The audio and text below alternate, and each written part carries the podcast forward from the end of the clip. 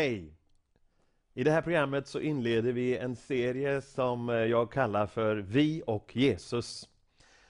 Jag hoppas det kommer att vara till stor inspiration och eh, vägledning och eh, även hjälp självklart för dig som följer med.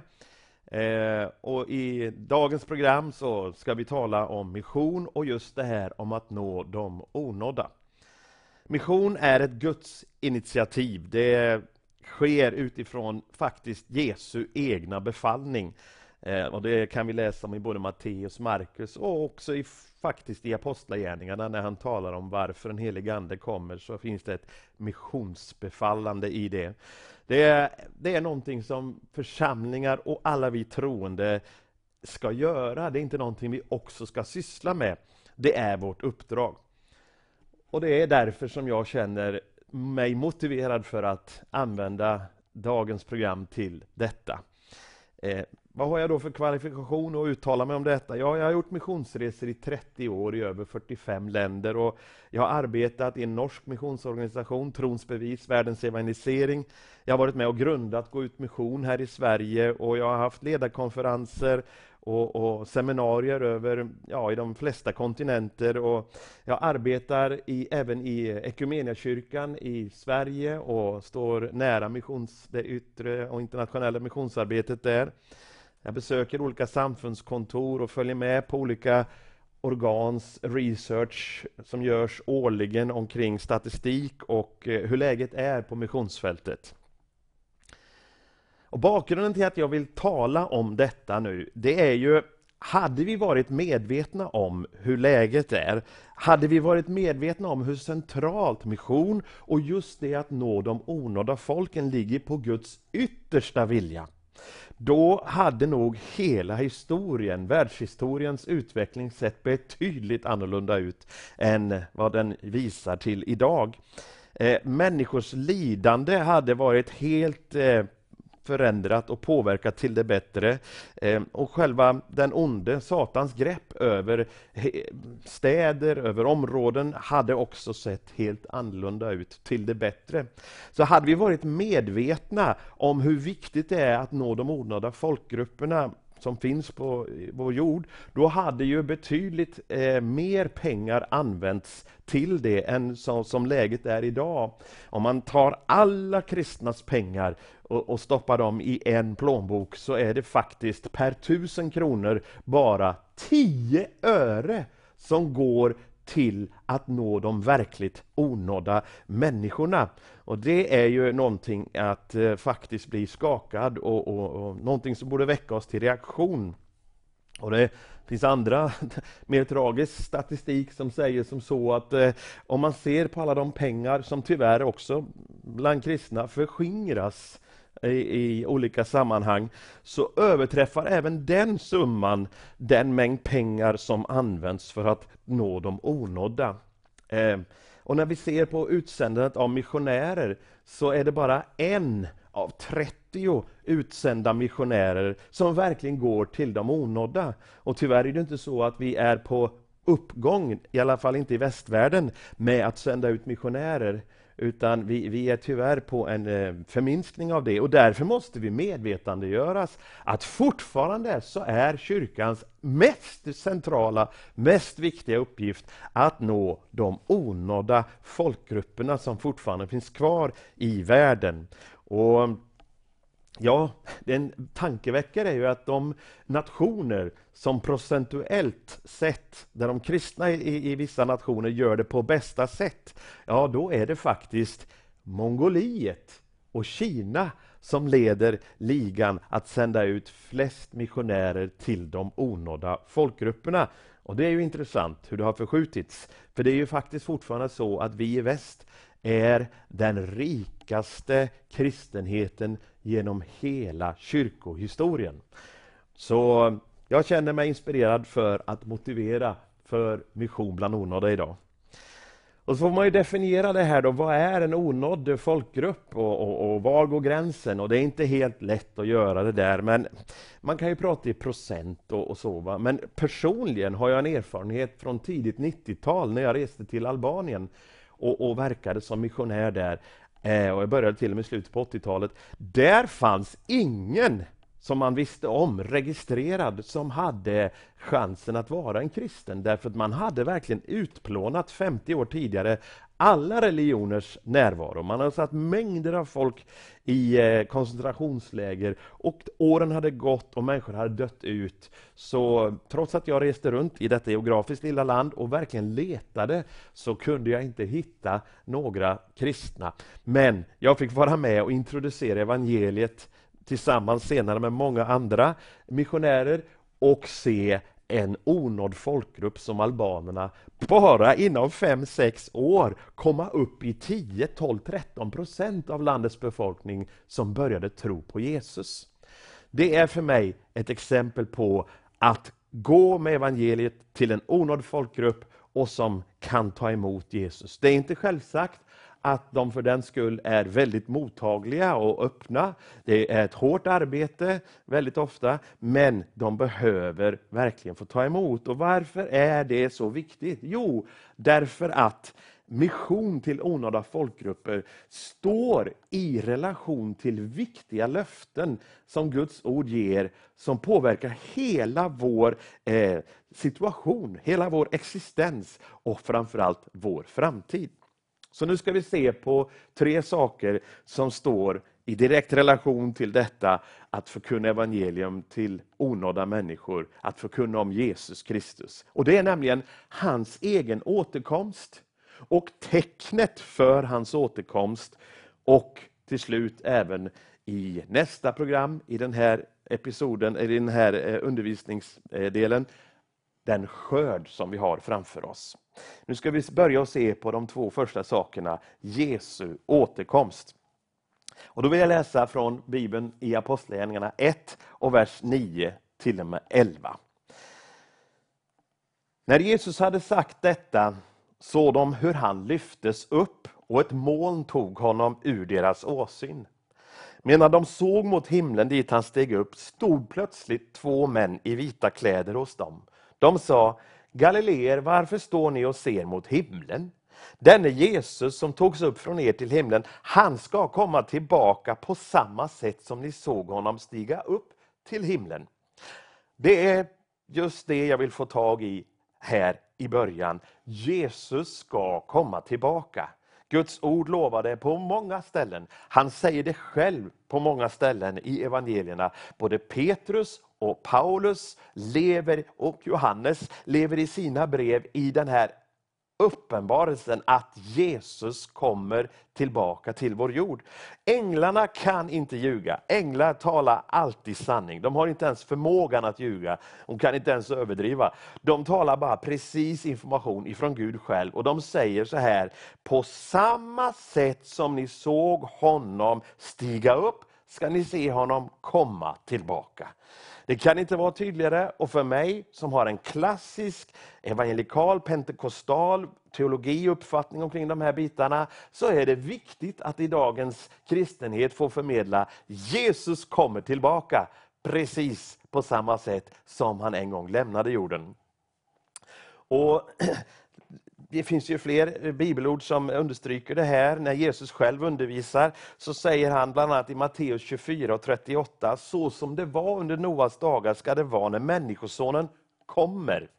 Under dagarna före floden åt de och drack, de gifte sig och blev bortgifta ända till den dag då Noa gick in i arken.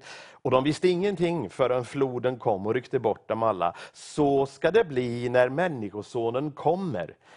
Då ska två män vara ute på åken, den ene ska tas med, den andra lämnas kvar. Två kvinnor ska mala vid kvarnen, den ene ska tas med, den andra lämnas kvar. Var därför vakna, för ni vet inte vilken dag er Herre kommer.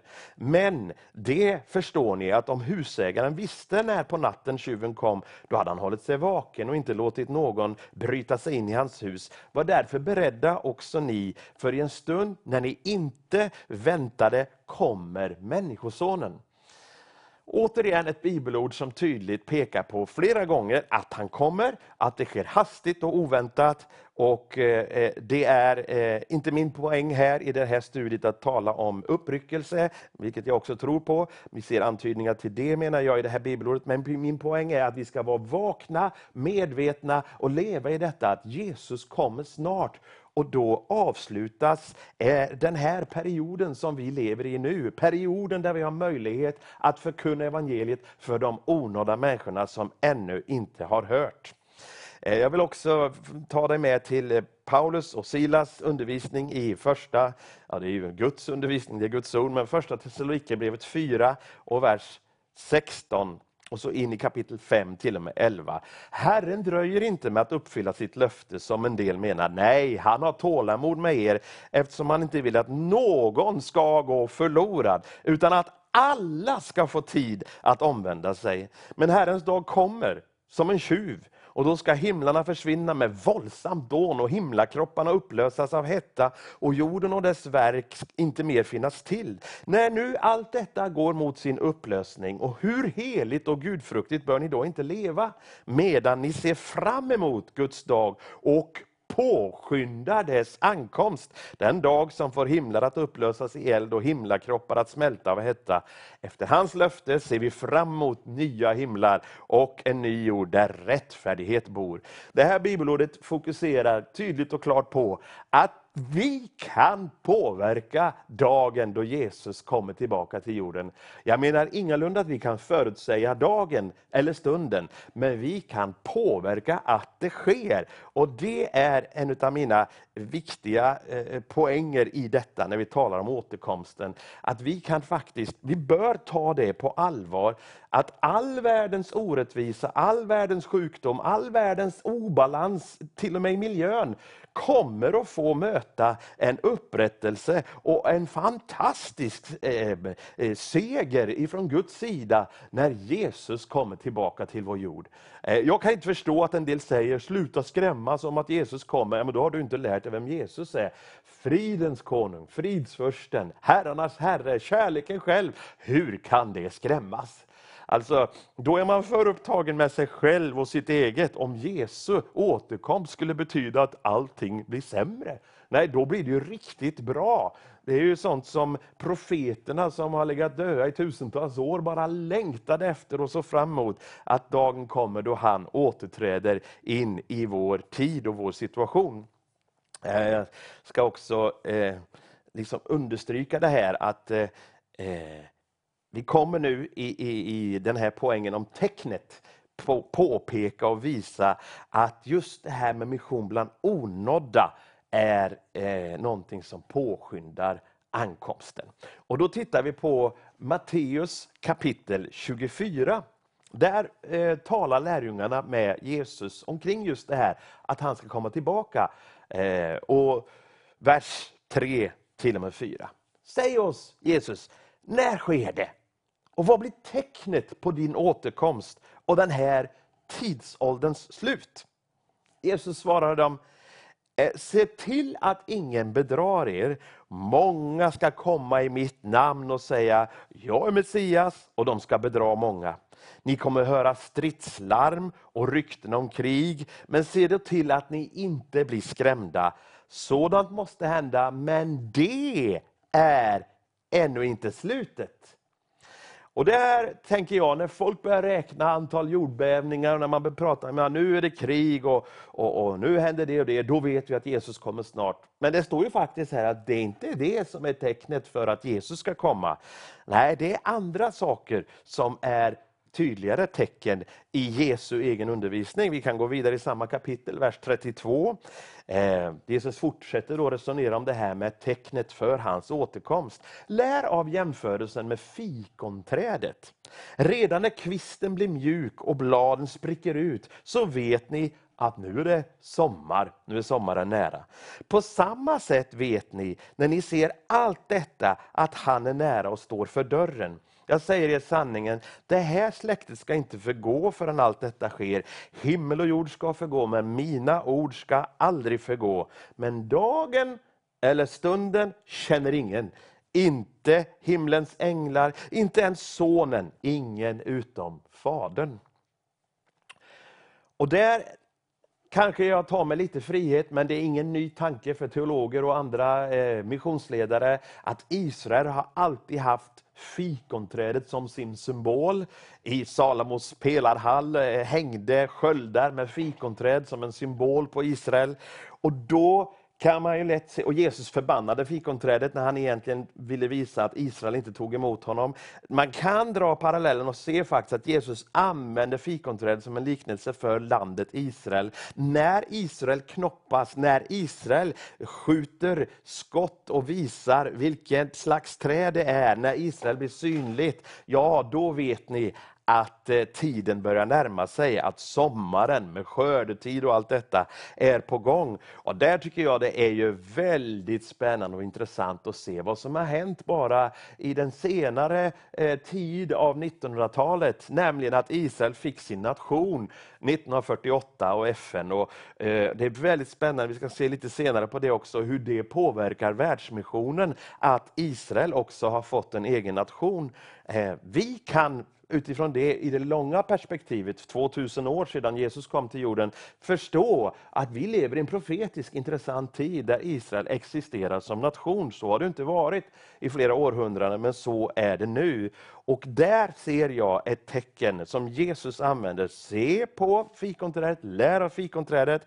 När ni nu ser detta hända så vet ni att ni är inne i alltså, släktsepoker eh, eh, som kommer få uppleva slutscenariot. Och det är väldigt spännande. En annan liten detalj där det är ju att statistik från forskare och andra visar att världens befolkning kommer inte bli mycket mer än 15 miljarder. Och om eh, IT och annan demokratisering demokratiseringsprocess och andra hjälpinsatser eh, och framförallt utbildning kommer lyckas i allt större grad av olika orsaker, så kommer det också leda till att det kanske bara blir 12 miljarder människor enligt en del forskares statistik.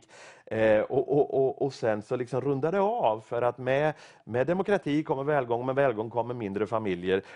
Och, och Detta är också spännande, att Gud lägger eh, sin skördetid, sin sommar i en tid där världen kanske når sin kulmen i befolkningsökning till exempelvis. Men krig och andra saker kan förändra sådana saker. Och så ska vi se på det absolut viktigaste bibelordet i just det här resonemanget eh, som talar om tecknet för Jesu återkomst. Och Det är Matteus 24 igen, vers 14. Och detta detta evangelium om riket ska förkunnas i hela världen till ett vittnesbörd för alla folk. Så skall slutet komma. Hoppas du ser det, tar in det. Det är det som driver oss i Gå ut mission. Det är därför vi sänder ut team av unga människor till de onådda folkgrupperna. Vi sänder dem inte till enkla områden, vi sänder dem inte till områden där många kristna har varit förut. Vi sänder dem där nästan ingen har varit förut. Vi sänder dem dit därför att vi vill att Jesus ska komma tillbaka till vår jord. Det blir väldigt bra. Men hans egna ord stoppar honom från att komma. För han säger, först måste evangeliet om riket förkunnas i hela världen. Till ett vittnesbörd för alla folk.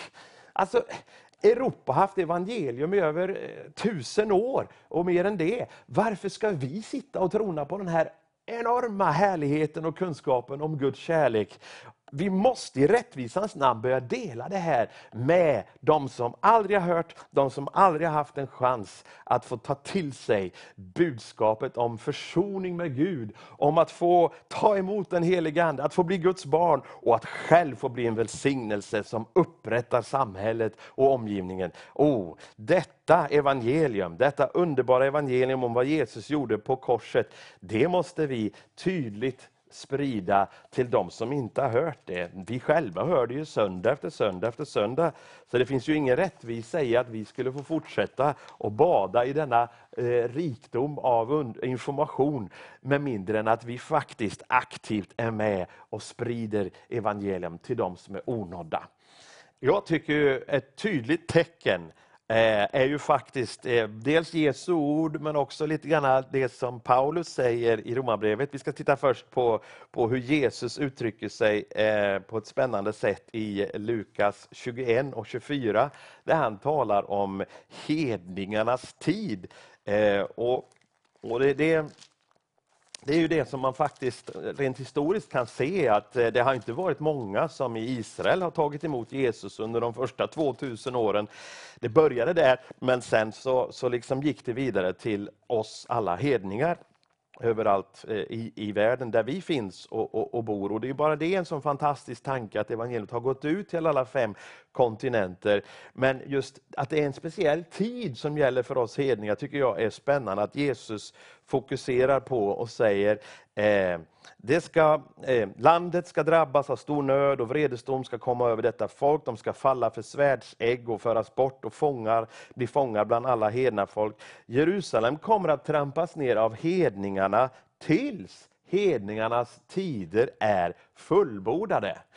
Så det, alltså, det, finns en tid för alla hedna folk och det är därför vi behöver skynda oss och påskynda slutscenariot så att allt lidande får ett slut. Det finns en utsatt tid där vi fortfarande kan få verka bland hedningarna. Och, och, och Paulus han är nästan inne på samma sak i Romarbrevet eh, när han då eh, uttalar i Romarbrevet 11 och vers 25 Eh, även om han fokuserar på ett antal och inte just själva tidsintervallen, så säger han, eh, bröder, jag vill att ni alla ska känna till denna hemlighet, för att ni inte ska ha för höga tankar om er själva. Förstockelsen har kommit över en del av Israel, och så ska det förbli pratade om det tidigare, till dess att hedningarna i fullt antal har kommit in. Oh, jag gillar den där. Liksom, det är ju många, det är miljarder, men det är liksom det numret, det antalet, det känner Herren. Och ingen av oss vet ju, när vi får vittna för någon på gatan, eller om vi står i Indien, eller Pakistan, eller i Bhutans fjällvärld, vem som är den siste av dem. Eh, ibland brukar jag föreställa mig och önska och hoppas att jag, jag glider in i en, i en moské och, och får be till frälsning med någon och smack så har det fulla antalet till slut, genom att hela Kristi kropp är aktiva över hela vår jord, kommit in i sitt fulla antal. Eh, ja, det är också spännande att se hur eh, allt det här finns lagt till rätta för att vi ska få hitta inspiration och motivation. Och Jag tror det är väldigt viktigt i vår tid att vi fortfarande tänker på att sända ut missionärer, för vi påverkar hela världsbilden och slutscenariot som Gud har lovat. Och mer om det i nästa episod. Och Då ska vi tala lite grann mer om hur det gamla testamentet har en fantastisk missionärs profetia, en liknelse, en förebild liggandes i Israels eh, eh, sätt att eh, upp, upphöja sin Gud och hur vi får leva i fullbordan av detta. I nästa avsnitt ska vi tala vidare om några fler tecken. Eh, vi ska tala lite grann om siffrorna, eh, vi ska tala lite grann om eh, hedningarna och vad som sker bland hedningarna och vad som sker i Israel. Och så ska vi se lite grann profetiska förebilder i det gamla testamentet som talar om vår situation idag, skördetiden som vi står i, på ett jättehäftigt sätt. Och jag hoppas du blir med då. Eh, vi lever i Joels dagar och det ska vi också reda ut och förklara. Och jag tror du kommer känna, wow, jag vill vara med i mission. Låt oss be.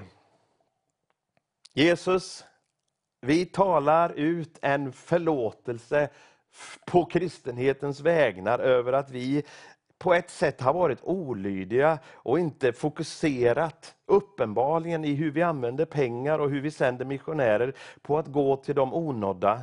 Men tack för att du står bi och står med i uppdraget fortfarande. Och du fokuserar fortfarande på uppdraget som vi har fått, att berätta för alla folk i hela världen. Tack för att du hjälper oss och du skickliggör oss när vi går ut och gör lärjungar. Segen som du vunnit, den får vi ta del i när vi lyder ditt ord. Amen.